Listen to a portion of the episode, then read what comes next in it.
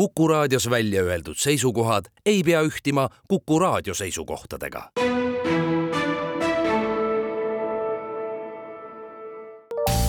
terviseks. saade valmib koostöös Ida-Tallinna Keskhaiglaga. vaata ka itk.ee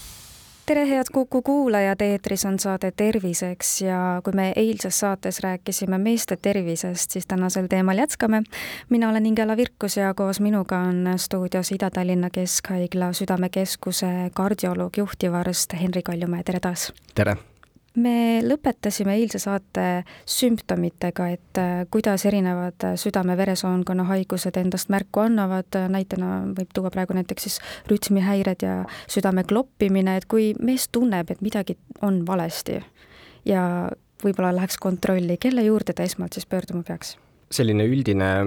mõistmine ja, ja ma arvan, et ka selline ühine arusaam on ikkagi see, et Eesti perearstid on tublid ja perearstid on tegelikult väga hästi koolitatud, nad on äh, nii-öelda harjunud tegelema äh, väga heterogeensete erinevate terviseprobleemidega. Ja arvestades, et äh, populatsioonis või rahvastikus tervikuna prevaleeruvad südamehaigused, siis kindlasti perearstid ka näevad neid patsiente igapäevaselt enda vastuvõttudel ja see ei ole nagu nende jaoks mitte mingisugune selline eriskummaline või, või mingisugune üllatav asjaolu, kui satub siis vastuvõtule patsient, kellel on tõesti mingisugune konkreetne kaebus, just nimelt näiteks eh, südame-veresoonkonna haiguste seisukohast. et üldiselt ongi heaks võimaluseks selliste tagasihoidlike või, või mõõdukate kaebuste puhul äh, abi saada just nimelt perearstidelt ja, ja loomulikult siis tõsiste probleemide korral on äh, perearstil võimalik alati suunata haigeid edasi eriarsti vaatevälja või siis ka näiteks konsulteerida läbi e-konsultatsiooni no vastava siis nii-öelda profiili eriarstiga. et see loomulikult ei tähenda seda, et, et perearsti poole peaks pöörduma alles siis, kui on juba tekkinud mingisugune mure või mingisugune kaebus, vaid tegelikult ikkagi regulaarne tervisliku seisundi hindamine peaks toimuma ka siis pealtnäha terve inimese puhul et nii on võimalik avastada varakult äh, igasuguseid kõrvalkaldeid tervislikus seisundis ja, ja loomulikult äh, sellisel juhul on sageli neid probleeme võimalik siis edukalt ka kõrvaldada ja, ja seda riski maandada kui me eelmises saates ka rääkisime, et äh, nagu on ka levinud arvamus, et paratamatult tihtipeale mehed ikkagi jõuavad üsna noh, arsti vaatevälja siis, kui juba probleem on olemas. et kui tekibki näiteks selline südame kloppimine, õhupuudustunne, südame selline pigistustunne, et äh, kas siis äkki peab hoopis juba kiirabi kutsuma või mis hetkel äh, nii ohtlik juba seis on? et äh, need igasugused kiirabi kutsumise soovitused on noh, mingis mõttes võib-olla väga nii-öelda keeruline on neid kuskil avalikult siis nagu välja öelda, sellepärast et, et iga inimene võib ikkagi natuke neid tõlgendada ühtemoodi, et näiteks võib olla, et selline tõsise rindkere valuga, mis üle ei lähe näiteks koduste ravimitega, käepäraste tegevustega, et selline rindkerevalu kannatav patsient eh, nii-öelda kükitab kodus kolm päeva, enne kui siis tõesti läheb olukord juba nii hulluks, et ta lõpuks kiirabi kutsub, et teine äärmus on see, eks, et, et igasuguse sellise noh, ütleme suhteliselt võib-olla triviaalse või, või tagasihoidliku tervisekaebuse korral näiteks eh, kutsutakse kiirabi ja et ka see, eks ju, koormab kindlasti tervishoiusüsteemi tervikuna, aga üldiselt ikkagi näiteks kui me räägime just nimelt äh, südame-veresoonkonna haigustest, siis loomulikult äh, alati olukorras, kus näiteks tekib tugev, pressiv, suruv rindkere piirkonna valu, mis võib ka kuhugi kiirguda ja, ja mis üle ei lähe näiteks veerand tunni jooksul, et äh, kindlasti sellises äh, olukorras tuleks kutsuda kiirabi või siis pöörduda ise EMO-sse.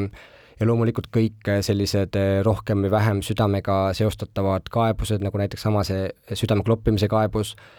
et kui ikkagi inimene seda väga halvasti talub, äh, kui enesetunne on ikkagi väga sant, et siis loomulikult ei ole põhjust äh, kodus oodata, et võib-olla see läheb ise üle, vaid et ikkagi sellisel juhul on targem pöörduda varakult ikkagi EMO-sse siis või kutsuda kiirabi. et mitte jätta õhku kuidagi sellist muljet, et mehed ei käigi arstil või käivad seal juba väga viimasel hetkel, aga tegelikult ikkagi aastatega on see paremaks läinud ja käiakse regulaarsemalt arstil ja tuntakse oma tervise pärast muret, et aga mida see regulaarsus siinkohal tähendab, kui tihti siis tuleks käia lihtsalt äh, perearstil enda tervist kontrollimas? Ma arvan, et selline neljakümneaastane ja vanem meesterahvas kindlasti vähemalt kord aastas võiks sattuda ikkagi arsti vaatevälja ja tüüpiline ongi siis näiteks kas siis perearst või, või töötervishoiuarst. Ja, ja mitmed tervishoiuasutused näiteks pakuvadki erinevaid tervisepakette nii-öelda, mis ongi just nimelt suunatud selliste pealtnäha tervetele inimestele, selleks, et oma siis nii-öelda tervislikust seisundist saada mingisugune kompleksne terviklik ülevaade. Ja, ja need on küll sageli tasulised loomulikult, aga sellegipoolest on nad populaarsed, mulle tundub. Ja, ja selline noh, ütleme lihtsate võtete, lihtsate uurimismetoodikate rakendamine, lihtsate analüüside teostamine, eh, läbi selle on meil võimalik tegelikult saada päris hea ülevaade oma tervisliku seisundi kohta ja, ja, ja loomulikult vajadusel saab siis ka nii-öelda algavatele probleemidele tõmmata varakult pidurit ja, ja loomulikult eh, oluline osa sellisel rutiinsel kontrollil ongi eh, nii-öelda nõustamise osa, et tegelikult äh,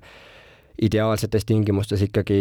kõiki neid, kes vajavad, neid, neid peaks siis nii-öelda õpetama, juhendama, nõustama ja, ja loomulikult siis julgustama ja, ja tunnustama just nimelt neid inimesi, kellel tegelikult kõik ongi hästi, et nad siis nii-öelda sellise samasuguse elustiiliga jätkaksid võimalikult kaua mis testid seal äh, tavalistes äh, sellistes ähm, terviseauditites, äh, pakettides on või, või, või mis uuringud, et mis need põhilised, kõige klassikalisemad on, mis näitaks siis selle olukorra parajasti mehe tervise osas ära? et kõige, ütleme, sellisemad tüüpilisemad, kõige lihtsamad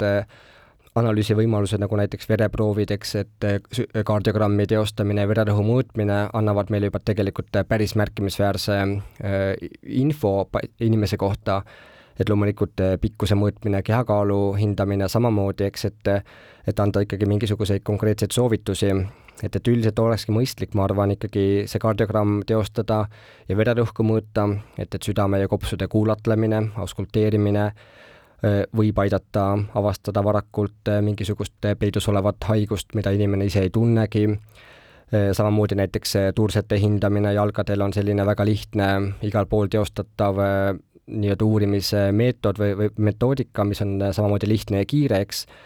ja, ja loomulikult need klassikalised vereanalüüsid, eks, mis hindavad hemoglobiini väärtust, millega me hindame neurofunktsiooni, millega me hindame siis kolesterooli ja veresuhkru taset, annavad siis reeglina ikkagi piisavalt palju infot ja, ja ütleme nii, et, et selline asjalik ja tubli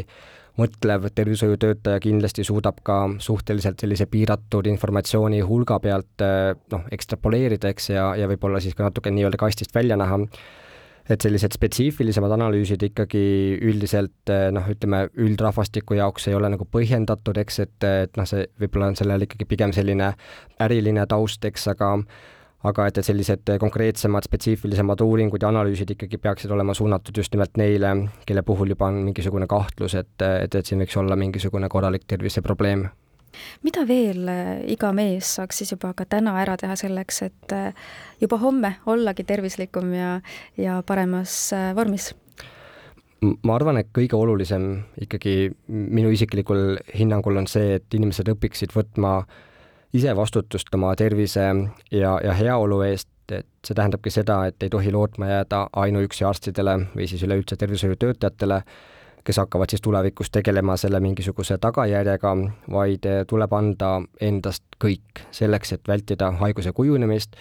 haiguse tekkimist ja elada võimalikult kaua tervena, et ma arvan, et inimesed, kes liiguvad regulaarselt, toituvad tervislikult, ja magavad seitse tundi öösiti, on juba loonud sellise olulise eelduse selleks, et tõesti olla kaua terved ja ja sinna juurde loomulikult normaalse kehakaalu säilitamine, mõõdukas alkoholi tarvitamine ja, ja mitte suitsetamine. kui me räägime ka sellest kehakaalu kontrollist, et siis kindlasti kehamassi indeksi jälgimisest võib-olla veelgi täpsem, mitte võib-olla, vaid päris kindlasti veelgi täpsem võimalus enda südame- ja veresoonkonna haiguste kujunemise riski hinnata, on äh, mõõta just nimelt vöö ümbermõõtu. et üldiselt võiks ikkagi meestel jääda vöö ümbermõõt alla üheksakümne nelja sentimeetri ja naistel alla kaheksakümne sentimeetri aitäh teile saatesse tulemast ja nõu andmast, äh, Ida-Tallinna Keskhaigla Südamekeskuse kardioloog, juhtivarst äh, Henri Kaljumäe ning palju jõudu ja jaksu teile! aitäh! terviseks saade valmib koostöös Ida-Tallinna Keskhaiglaga. vaata ka itk.ee